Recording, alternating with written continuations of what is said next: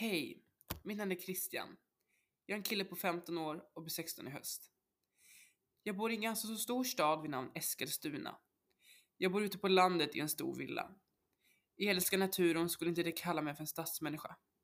När jag är i stan känns det lite som bönderna i stan faktiskt. I mitt sommarprat ska jag prata om ett väldigt aktuellt ämne och det är kroppshets.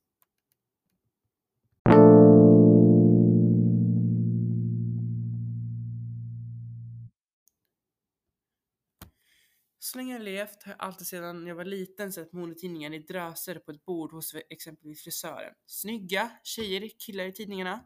Långa, smala och allmänt snygga. När man bläddrar i tidningar hittar man aldrig någon modell som är överviktig i tidningar utan tidningarna är fyllda av tändstickor. Jag tycker att det är så jäkla störande. Alla är inte tändstickor utan alla är bara unika människor. Jag är född i det kallade idealet smal. Och rätt lång är jag faktiskt. Någon kanske tycker inte att jag har något att komma med och argumentera om, för jag är född i idealet smal. Något viktigt att komma ihåg är att det finns folk som lider att de är för smala. Jag vill, vara, jag vill vara lite större, men inte fel. Inte för att det är något fel med det, utan det är jag själv som vill se ut så. Mitt problem är att jag själv klankar ner på mig själv och alla andra. Kan vi bara sluta med det här? Det är bara så dumt.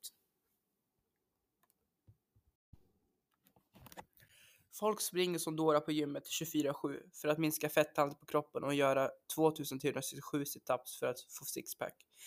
Att folk rör på sig har jag absolut inget problem med, men det tycker jag bara är bra. När man inte rör på sig bidrar det till en högre procent av fetma och det, du kan dö i förtid.